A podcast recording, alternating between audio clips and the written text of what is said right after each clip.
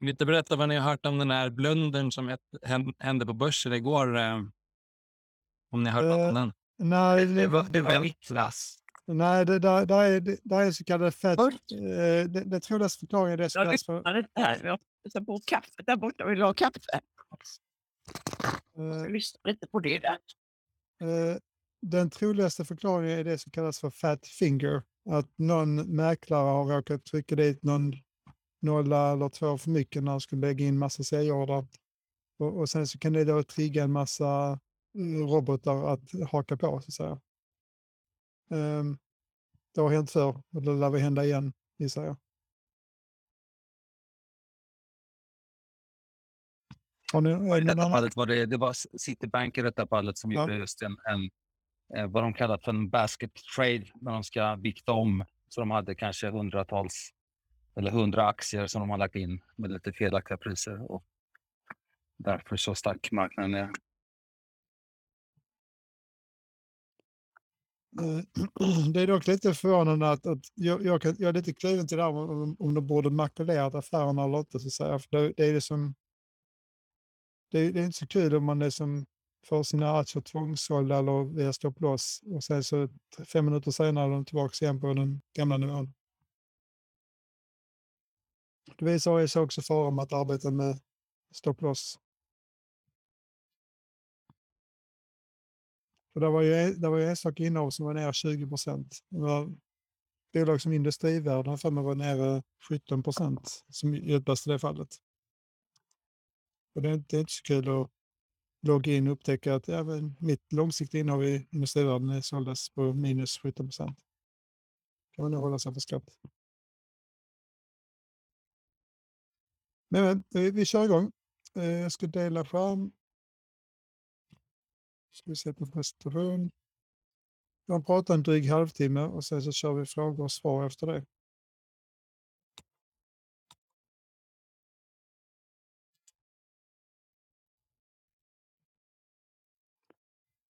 Så vi, vi ska vi kommer prata lite grann om värderingen eh, Q1 eh, och ge en kort kommentar till Lunar, Storskogen och Radin. Eh, vi kommer också belysa tre nya investeringar, Mavatar, bovskenet och en eh, fastighet vi har köpt till Calatrava, eller sagt en ägarlägenhet till Calatrava Palma, Mallorca. Eh, lite om argumenten för den pågående offensiva emissionen. Varför ska man investera i Bolidom just nu? Och varför kan vi fortsätta krossa Stockholmsindex de kommande 5-10 åren? Eh, en liten uppmaning till att hjälpa oss att hitta fler delägare. Och en påminnelse om att vi kommer ha lite digitala delägarträffar eh, denna och nästa vecka. Och så kör vi frågor på slutet. Kort om, om eh, Q2-värderingen. Eh, efter att ha kört 17 kvartal på raken med positiv utveckling så har vi då under Q1 vårt första minuskvartal någonsin. Och då lyckas vi slå till med hela minus 18 procent. Eh, att jämföra med index som var minus 14 procent. Så det var inte så kul som ni förstår. Eh, den största skurken i det här lilla dramat är storskogen. Det framgår ganska tydligt om ni tittar på vänstertabellen. Att ni har ju, vi har tappat 56 miljoner på storskogen.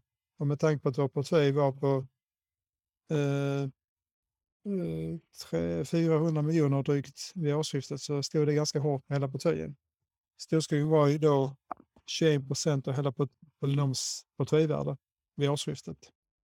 Så om den då faller 62 procent så slår det ganska hårt. Eh, och anledningen till att det var så stor som 21 procent var inte för att vi har köpt jättemycket storskog utan det var för att vi, ja, vi har ju ett GAV på kanske 11-12 kronor på det innehavet. Vid årsskiftet stod den i 61 kronor så vi hade ju nästan, nästan sexdubblat vår grundinvestering i storskogen vid årsskiftet.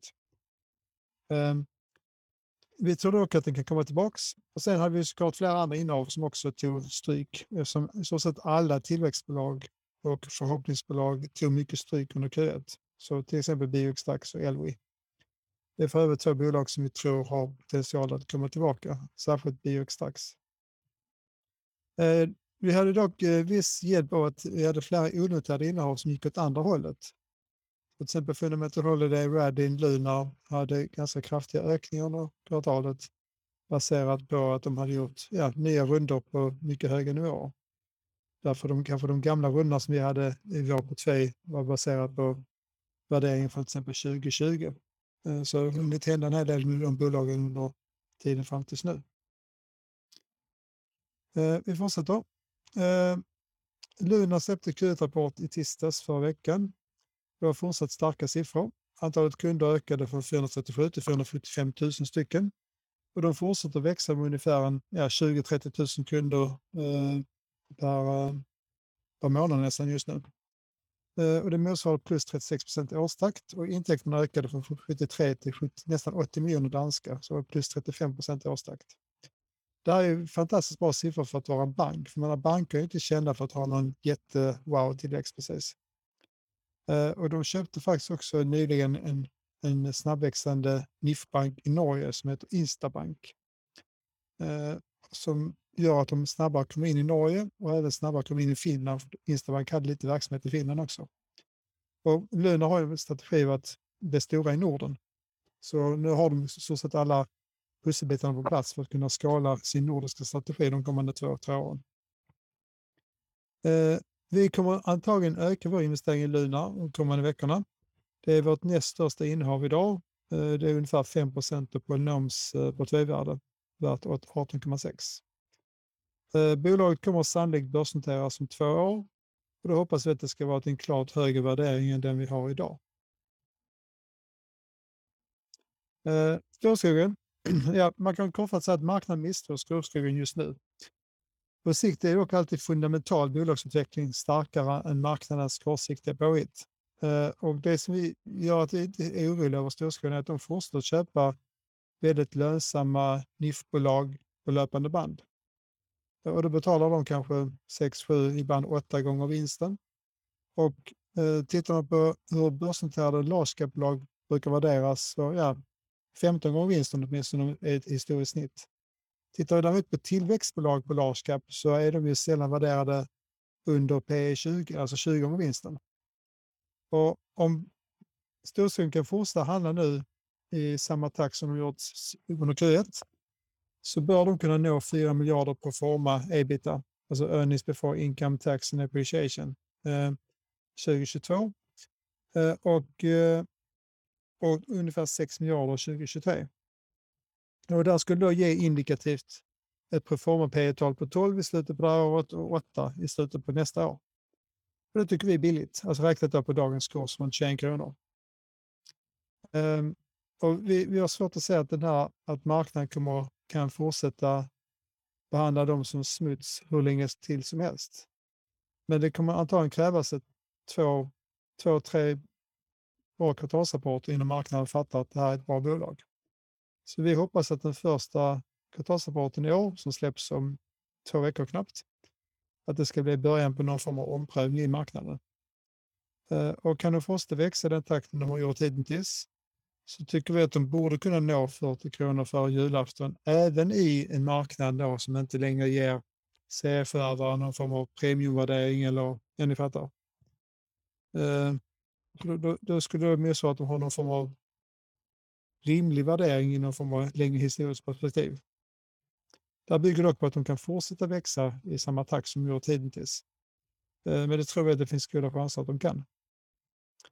Eh, särskilt med tanke på att de gjorde ganska mycket strategiska rekryteringar av förvärvsexperter som då skulle jobba utomlands i Singapore, Tyskland, England, eh, Holland och så vidare.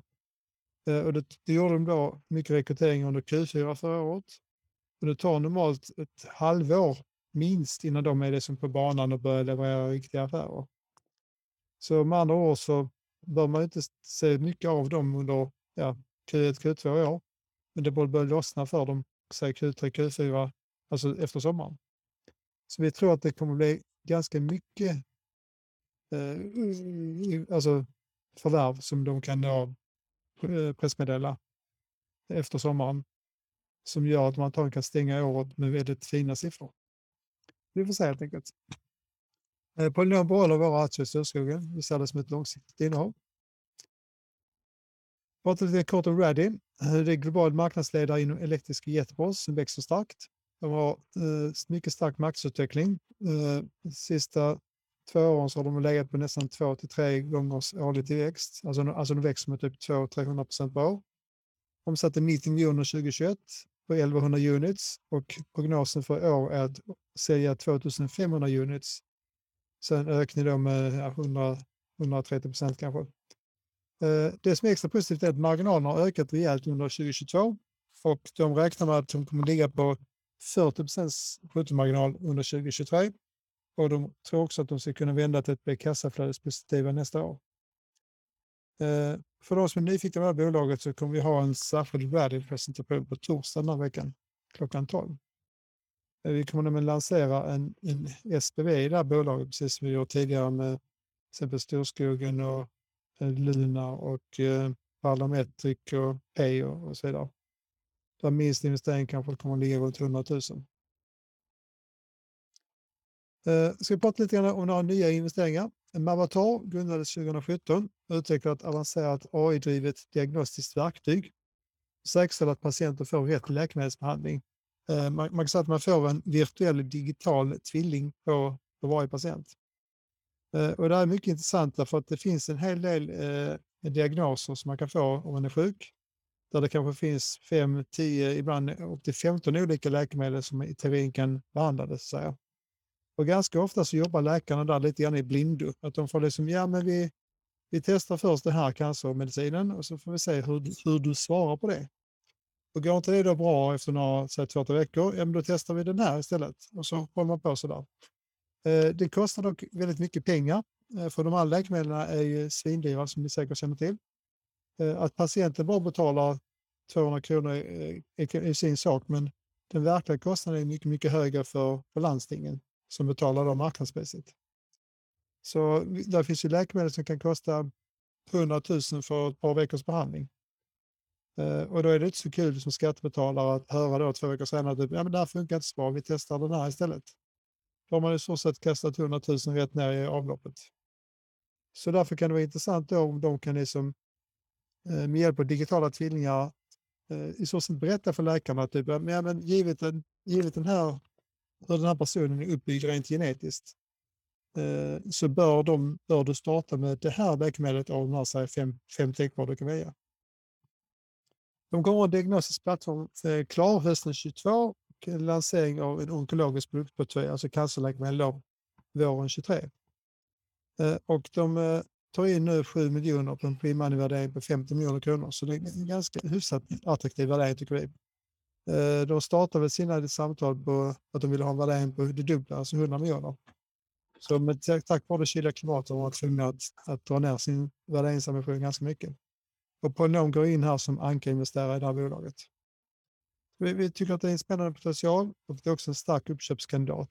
Ehm, då eh, bolag som lyckas ta fram intressanta alternativ inom, inom just cancer brukar vara heta uppköpsobjekt för stora läkemedelsjättar. Mm, pratar lite grann kort om Polskenet. Det är ett norrländskt investmentbolag som grundades också 2017. Har idag fem bolag i sin portfölj. Investerar främst i ledande, stabila, medelstora bolag. En omsättning runt 50 till 250 miljoner, främst i Norrland.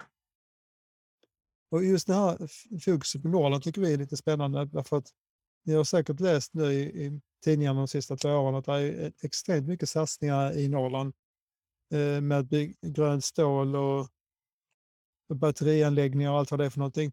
Eh, som gör att, att Norrland hade ju, tidigare har de haft bland den högsta arbetslösheten i Sverige, så har det varit i typ ja, sedan 60-talet. Eh, men nu har Norrland på ganska kort tid gått över till att vara, ja, där finns i så sätt inga, där finns i så sätt noll arbetslöshet i Norrland, därför att alla som kan och vill jobba har, fått jobb i Norrland. Eh, så bolagen växer så det knakar där uppe och de skriker efter arbetskraft. Eh, och så kommer det antagligen att förbli under många år till. Eh, eftersom det är mycket satsningar som sker nu de kommande 10-20 åren i Norrland. Eh, och då kan det vara intressant att man investerar då i ett investmentbolag som fokuserar just på Norrland.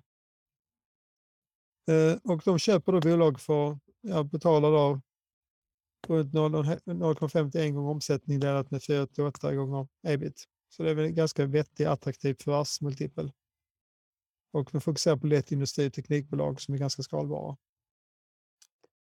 Den tredje investeringen vi har gjort är en eh, ägarlägenhet i Calatrava. Det är väl ungefär eh, Palma, Mallorcas svar på Östermalm i Stockholm.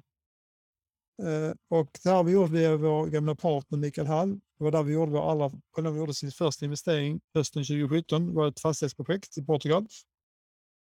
Och nu har, har han hittat ett nytt intressant objekt eh, där vi har, vi har köpt tre stycken lyxlägenheter där Mikael Hall är en part och sen har vi en annan, en annan eh, inflytelserik och rik eh, investerare som är den andra parten. Så vi är, vi är så tre stycken delägare i det här projektet.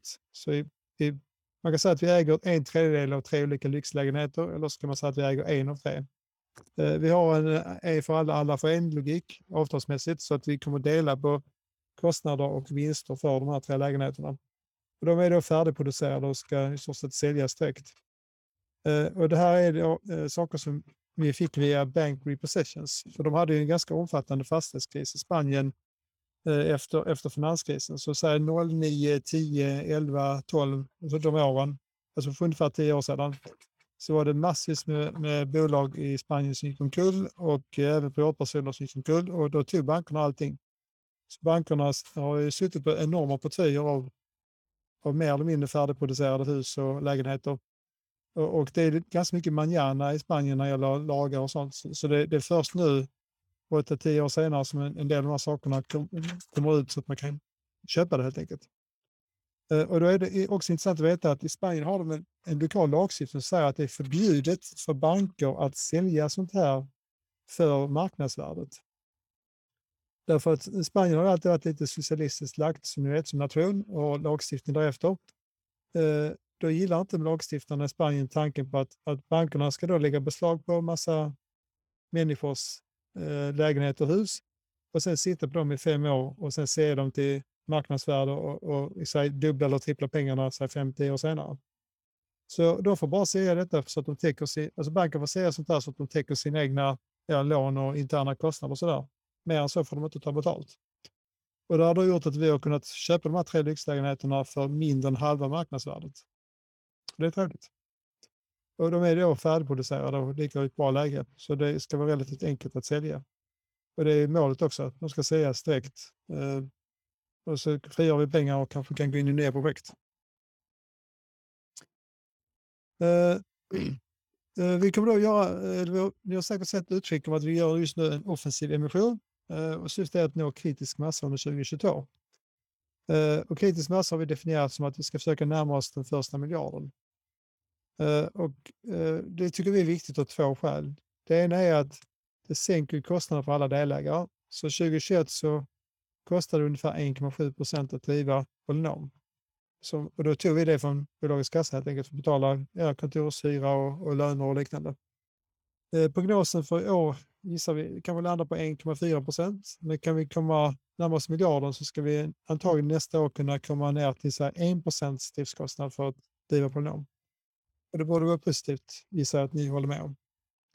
Eh, den andra aspekten är att vi, det är lättare för oss att bli ankarinvesterare. Och när vi kan bli ankarinvesterare i flera transaktioner så får vi bättre förhandlingsutrymme. Och vi eh, kan också komma åt vissa transaktioner som vi idag är för små för att komma åt. Alltså vi blir inte ens inbjudna. Där kanske minsta är säg 30 miljoner. Uh, och har man då inte några 30 miljoner, ja, då får man inte, får man inte ens vara med. Uh, och då missar vi ibland väldigt attraktiva affärer därför att vi helt enkelt är för små. Eh, den sista aspekten är väl att vi bedömer att det kommer nu vara rea på ganska många intressanta investeringar det närmsta halvåret. För när det är så här oroligt som det har varit i världen och eh, framförallt tillväxtbolag och förhoppningsbolag har slaktats på börsen så finns det en hel del fyndlägen.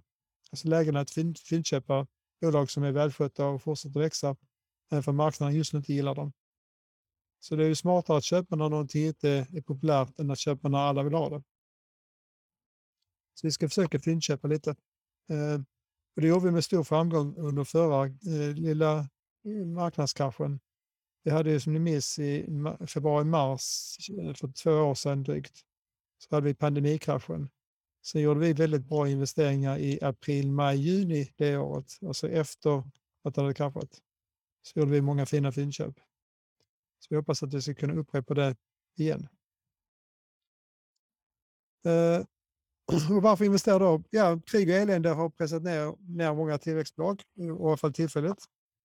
Och då är många intressanta investeringar som kommer nära attraktiva priser. Och dåliga tider är ofta bra tider om att, för att göra långsiktiga investeringar.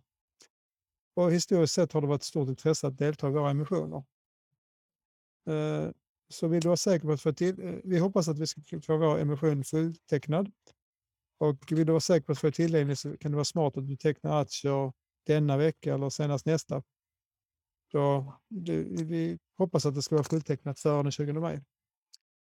Och då är det lite grann för, först till kvarn som gäller.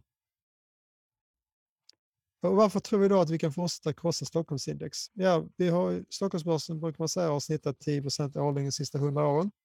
En genomsnittlig svensk har dock i praktiken bara fått 8% och Det beror helt enkelt på att Stockholmsbörsen har inga fondavgifter och Stockholmsbörsen gör inga misstag.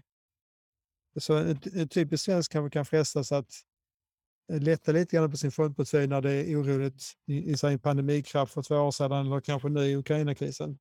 Och sen är en typisk svensk kanske inte alltid tillräckligt snabb på att köpa tillbaka när det sen vänder upp igen.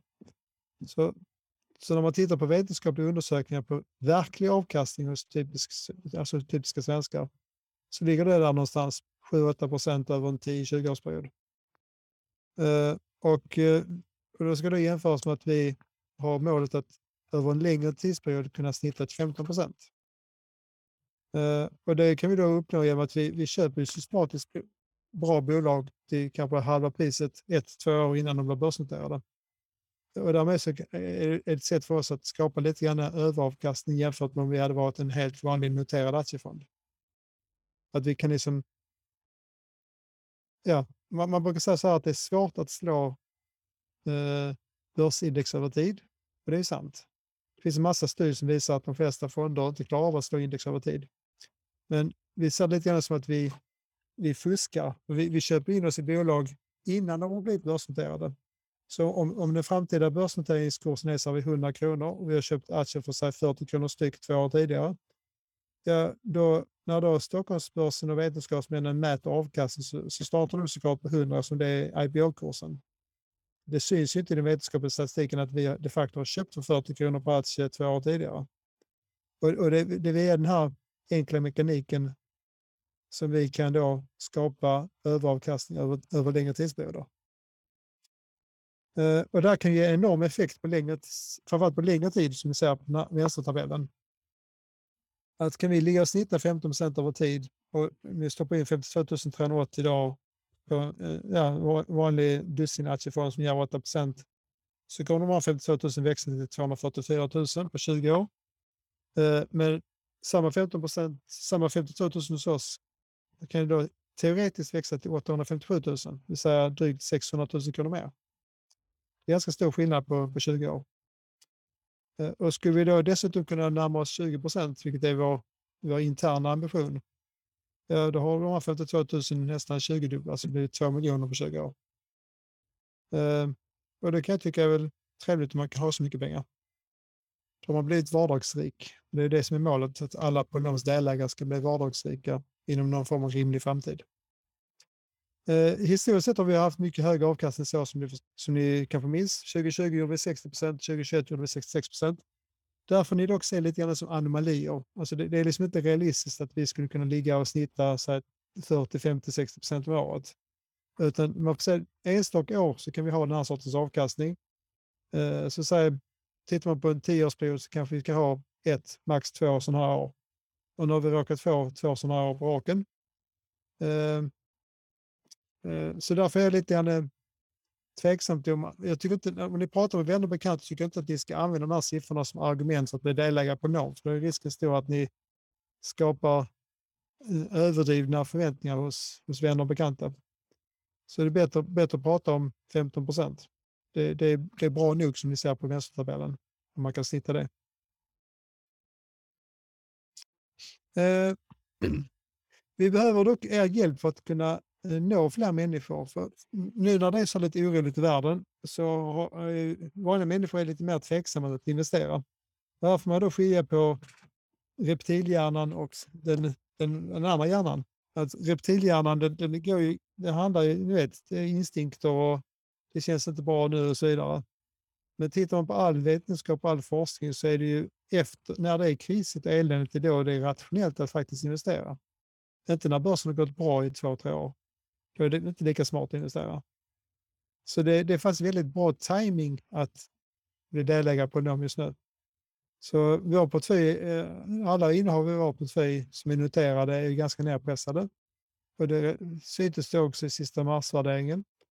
Eh, och det finns massa fina fyndlägen nu eh, resten av året. Så de som går in och köper in sig nu i prognos på 291 kronor per aktie kommer med stor sannolikhet ha en ganska bra position eh, om redan kanske om ett eller två år. Eh, I sagornas värld brukar man prata om att alla goda ting är tre och det jag skulle bli glad om ni kan ordna är tre personer som vill lyssna på våra presentationer. Vi kommer hålla en presentation nu på torsdag kväll klockan 20.30 och på måndag lunch nästa vecka. Sen blir det även onsdag kväll och söndag kväll nästa vecka, 11 och 15 maj. Så det är alltså fyra möjligheter för era vänner, bekanta, kollegor, kusiner, föräldrar, småsyskon att lyssna på vårt budskap, hur vi arbetar och hur vi tänker. Och den här presentationen är bara en halvtimme lång ungefär, så det är inte så här jättemycket tid man ska lägga på det. Eh, och det är just att de ska lyssna. Eh, det, det, är inte seriöst att ni ska hålla, gå på som några dammsugarsäljare och, och liksom aktivt sälja in Polynom. Utan det, det är vuxna människor vi har att göra med. De är väl smarta nog att ta sina egna beslut, kan vi tycka. Så lyssna bara helt enkelt. Och så får vi se om de vill vara med eller inte.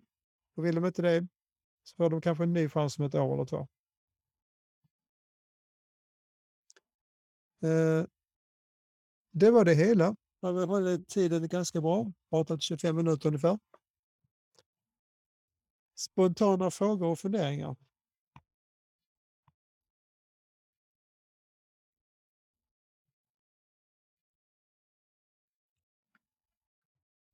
Kan ta två frågor från chatten. Eh, Robert har frågat när inspelningarna eh, är tillgängliga och eh, det är helt enkelt bara att skicka ett e-mail på delägare.polnominvest.se eh, så får ni ett svar med länken om ni behöver den. Eh, och sen Niklas, eh, hur sannolikt är det att man som befintlig delägare får tilldelning om man tecknar i storleksordningen upp till 500 000 kronor? Eh, den är ganska hög därför att alltså, ni, ska inte hålla på att taktikteckna utan vi, vi har ganska stort eh, tak i den här emissionen att, att ta in mycket pengar. Så te, ni, ni, kan räkna med att ni kommer få det ni tecknar mer eller mindre. Eh,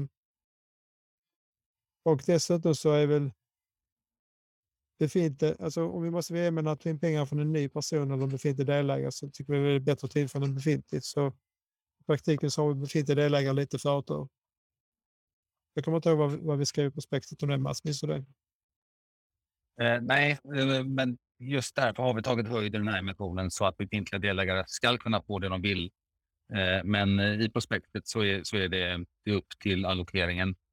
Eh, det är upp till styrelsen helt enkelt för att fördela beloppen som de vill. Men som du sa först, eh, man ska inte taktikteckna utan man ska teckna på det man vill ha och man ska räkna med Eh, man ska helt enkelt inte teckna för mycket mer än det man vill ha för risken att man får det, såklart. Eh, samtidigt som vi måste vara öppna och ärliga med att vi vill ha in nya delägare. Vi vill växa och det stärker hela Polnon. Mm. Och det, det är också en tanke med att vi, många, vi, vi, tror att vi kan accelerera utvecklingen på flera av våra portföljbolag för att vi har kommit upp i en kritisk massa av delägare. Så vi, vi siktar på att kanske närma oss 3000 delägare innan året är slut. Uh, och om vi då har tagit in ett spännande portföljbolag som har en produkt eller tjänst som vi kan gå ut och erbjuda det till våra delägare och säga att här har ni chansen att få testa detta med 20 procents delägarrabatt. Så kanske det kan leda till att de får 85 nya beställningar eller, eh, och då kan det vara kanske motsvarande en hel kvartalsomsättning för det bolaget. Och sen kan de då gå ut på, till sina andra intressenter och säga typ, ja nu dubblar vi vår försäljning förra kvartalet, vill du också vara med? Och så kan vi liksom hjälpa till att få lite grann bollen i rullning för många bolag. Eh, och, och då kommer det i sin tur leda till att värdet på vår egen investering kommer öka över tid. Så vi kan liksom, till viss del, om vi har många delägare, kanske börja skapa vår egen framgång. Eh, jag tar en fråga från Gustav som jag kan svara på själv faktiskt. Eh, utav nyfikenhet frågar han avräkningsnota kom från Polynor den här gången, men förra gången från Nordic Issuing. Varför har det ändrats? Vi gjorde faktiskt den riktade emissionen i december helt själva Eh, och eh, Det var, var, gick smidigt. Eh, och därför tycker vi att vi klarar av det också den här gången. Och vi vill inte betala något issuing för att göra det. Så det är helt enkelt att det är en kostnadsbesparing. Eh, prospektet har vi också gjort helt själva den här gången, eh, mer eller mindre. Vi behöver ha lite laglig hjälp, men vi har gjort det så billigt vi kan för helt enkelt att spara på delägarnas pengar. Eh, så eh, eh det kommer från oss och det betyder också att vi har tillgång till pengarna på en gång, vilket är en annan positiv sak. För vi har en hel del spännande investeringar som ligger i pipeline. Um, se om vi har någon mer, har inga mer frågor på chatten, men sätt gärna frågor på chatten eller... Eller unmuta, unmuta och, och uh, prata rakt ut. Jag ser just nu Ola Morin, han ser väldigt fundersam ut.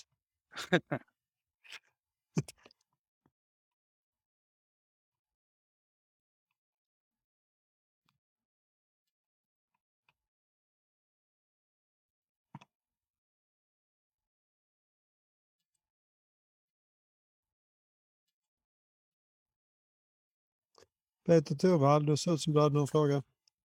Han kom precis in um, i... Men, men, vi kan ta en som är på chatten här. Eh, kommer det ytterligare emissioner i år? Uh, ja, vi har planerat att ha en emission till i oktober, november ungefär. Uh, det beror alltid på lite grann. Uh, vi försöker vara tydliga med det, men den här emissionen till exempel lämnade vi in prospektet den 2 februari och fick det godkänt i, i slutet av april. Så processen är inte alltid upp till oss. Men eh, jag tycker vi har varit hyfsat tydliga med att det kommer två, minst två stycken emissioner detta året. En på våren, en på hösten. Eh, storleksmässigt vet vi inte ännu var den kommer landa, men om du antar att den är samma som nu. Eh, viktigt att nämna här är att eh, vi tycker inte utspädning är viktigt i detta sammanhang. För att vi växer fortfarande. Vi tar varje krona vi får in och investerar i spännande bolag så det stärker allihopa. Och vi har ingen utdelning medan vi växer. Eh, så därför så man kan i alla fall säga att utspelning spelar en mycket mindre roll än vad det gör om du investerar i ett bolag på marknaden. Eh, så ja, det var ett långt svar på en kort fråga. Men eh, vi har en ny fråga från Per-Johan Olsson som säger hur tänkte marknaden att Storskogen var värt drygt 60 kronor förut och 20 kronor nu? Hur resonerar man? Och vad säger institutioner som gick in i börsintroduktionen? Eh, eh, det korta svaret är att, att när de satte eh, IPO-kursen på 38,50 så var det baserat på marknadens syn på hur CF-värvar skulle värderas där och då. Och då i, när det, det, kursen spikades i september, på september förra året, då var CFR väldigt heta och de hade väldigt höga eh, värderingar. De låg oftast med P tal över 50, vilket är väldigt högt i ett historiskt perspektiv. Eh, och, och sen satt de då, de tittade på liknande bolag, liknande storlek som typ Lifco, Adtech, eh, Indutrade. Och så satte de typ 20-30 rabatt eh, och spelade ungefär 38,50. Plus eh, då i förhandlingar med de här stora institutionerna som då skulle gå in. Så de hade också sitt att säga, säga till dem. Eh, så då blev det 38,50. Skulle de gjort samma övning idag så hade det inte blivit 38,50 som ni förstår. Därför att nu tycker inte marknaden längre att CFR ska ha den här höga premiumvärderingen. Så ska man använda dagens logik så kanske en realistisk IPO-kurs skulle vara, säg, ingen aning, säg 20 kronor eller 22 eller 24 eller något sånt. Men det är viktigt att komma ihåg att sedan dess har storskogen snart dubblats i, i storlek, alltså när det gäller omsättning och vinst. Så även om vi använder den här logiken då att, att att en mer, en mer så här, jordnära IPO-kurs hade varit så 22 kronor. Så eh, jag skulle det ha varit på den omsättning som var känd i början på september. Eh, och det har varit väldigt mycket förvärv sedan dess. Så använder man den logiken så är väl en mer rimlig kurs åtminstone en bit över 30 kronor idag om man ska ta höjd för hur mycket större bolaget är. Så hur man vrider och vänder på det så är dagens 20 kronor är ganska extremt överdrivet åt andra hållet. Och det är tyvärr så, eller tyvärr tyvärr, men marknaden har en bra förmåga att kunna överdriva åt båda hållen, både uppåt och nedåt. Men på längre tid så brukar ju verkligheten vinna, det vill säga verkliga siffror och kvartalsrapporter. Eh, så den är klart undervärderad idag. Det kan vi eh, ganska ganska överens om. Eh, och det bör, det, det bör börja rätta till sig så småningom. Eh, jag har svårt att säga att det kommer dröja väldigt länge innan det är tillbaka till 60 kronor. Eh, kanske tidigast slutet på nästa år eller 2024 och sånt så de kanske är tillbaka på 60 kronor. Givet att de kan fortsätta växa som de gör. Eh, och institutionerna, ja, institutionerna de är medvetna om att det är så här spelets regler ser ut. Ju. Alltså, det, det är inte så mycket man kan säga i efterhand.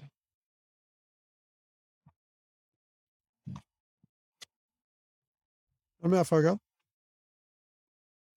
Det är inga mer frågor på chatten om man inte har några live eller om man vill skriva någon fråga på chatten. Eh, ni som har Där kommer det. Förlåt att jag avbröt dig, men eh, här kommer Anders Söderberg som säger finns det fortfarande en eh, ström av intressanta investeringsobjekt trots eh, konkurrens från alla spackar som också satsar på en snabb tillväxt. Det är risken att eh, priserna tickar iväg. Vi, vi har ingen, jag kan säga att vi har ingen konkurrens av spackar. De flesta spackar de, de söker objekt som de kan... De, dels vill de oftast köpa hela bolag. Eh, och, oftast tittar de på objekt som kostar ja, 100 miljoner uppåt. Och vissa tittar på objekt som kanske kostar en miljard. Så vi, vi, vi jobbar inte riktigt i samma universum där. Eh, och, eh, och priserna är väl snart på väg ner. Alltså, hela, hela, hela investerarvärlden just nu brottas med att, att eh, investerarna har blivit mycket mer försiktiga helt enkelt, med all rätt. Och det gör ju att priserna kommer ner på, på bred front, både på noterade bolag och på onoterade. Så vi, vi, och vi, vi kör ganska tuffa förhandlingar själva eh, internt när vi pratar med bolaget. Om ett bolag kommer till oss och säger att typ, vill ni investera i oss, eh, vi tycker att pre-money 60 är, är en bra nivå. Vi, vi låg på 80 vid årsskiftet. Så sa vi typ, jaha, 80 vid årsskiftet, 60 nu. Eh, kom tillbaka till oss när ni kan diskutera pre-money 40 som exempel. Så, så vi, vi försöker pressa bolagen ganska hårt just nu för att ta ner risken för oss själva och våra delägare. Eh, och, och vill de då inte gå med på att ta ta ner det så har vi ännu lägre än säg, från 80 till 60, säg till 45 eller 40. Då säger vi oftast bara typ, ja men då får du, då får du gå till någon annanstans och försöka hitta pengar. För vi, vi har många alternativa investeringar där vi kan sätta våra pengar där de faktiskt är villiga att ta ner värderingen ganska mycket. Uh, och ganska ofta händer det att de, de kommer då tillbaka till oss kanske två veckor senare efter att de då har ringt runt och kollat en massa andra intressanta och upptäckt att shit, de hade rätt. Det, vi hittar inte pengar någonstans. Så nu får vi gå tillbaka till förhandlingsbordet till Polynom och acceptera att det, att det inte blir några 60 utan det kanske blir 40 eller 45.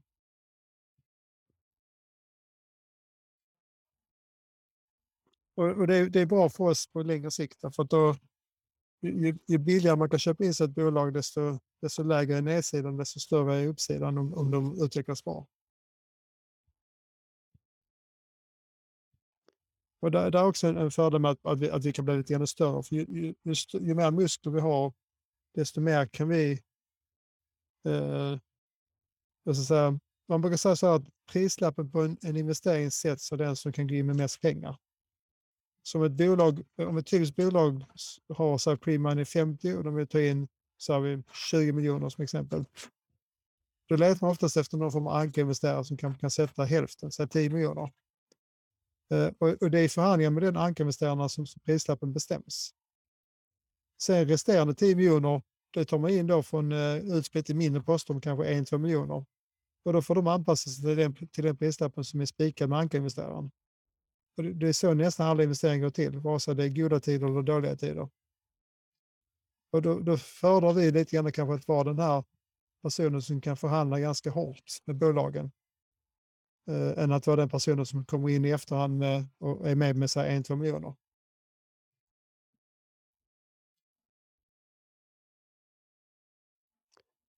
Jag, jag, jag, Här kommer en fråga.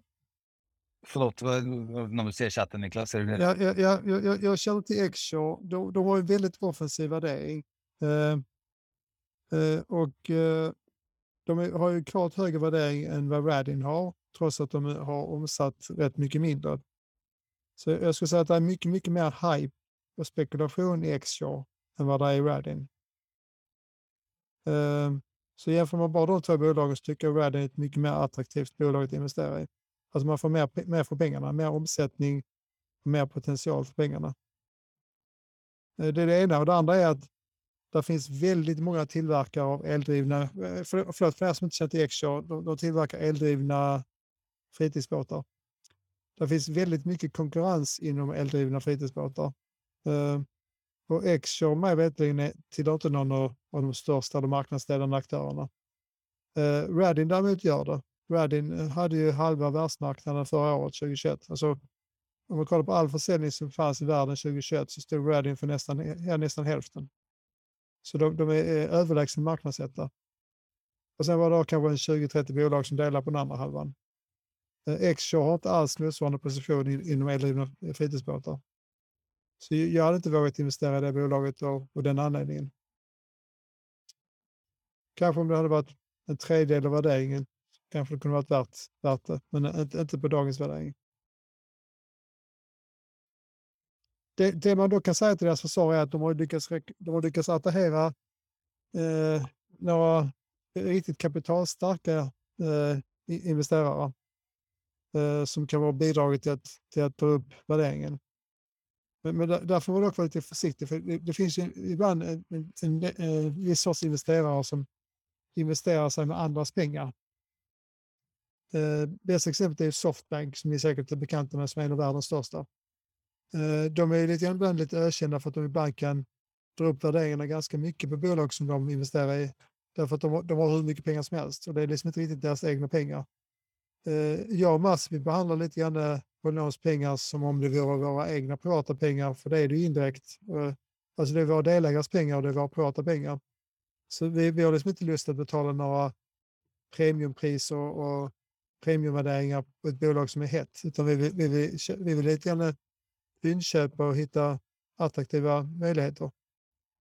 Eh, och blir vi då utkonkurrerade av någon, någon riskkapitaljätte som har fått in 5 miljarder från några pensionsfonder på sista halvåret, ja, då, då får de ta caset då. Sannolikheten att, att de får fart på det på två år är inte jättestor jämfört med vad vi kan göra med de, de saker som vi hittar istället. Jag hoppas att det kan räcka som svar på Johan. Okej, okay. uh, har ni några idéer och funderingar kring var vi kan hitta fler nyfikna delägare som vi ger Polynom en chans att så kan ni skriva det i chatten. Eller kontakta delägare att polynominvest.se. Då tar vi hand om det. Ja, om det inte är fler frågor så, så jag ser ingen anledning att vi ska köra en timme om inte det är frågor. Så föreslår jag att vi avbryter om några sekunder. Så har ni tio sekunder på er att komma på någon sista fråga. Lysande. Eh, då önskar jag en jättetrevlig dag. Eh, så hörs och ses vi säkert snart igen. Tack så mycket. Hej då.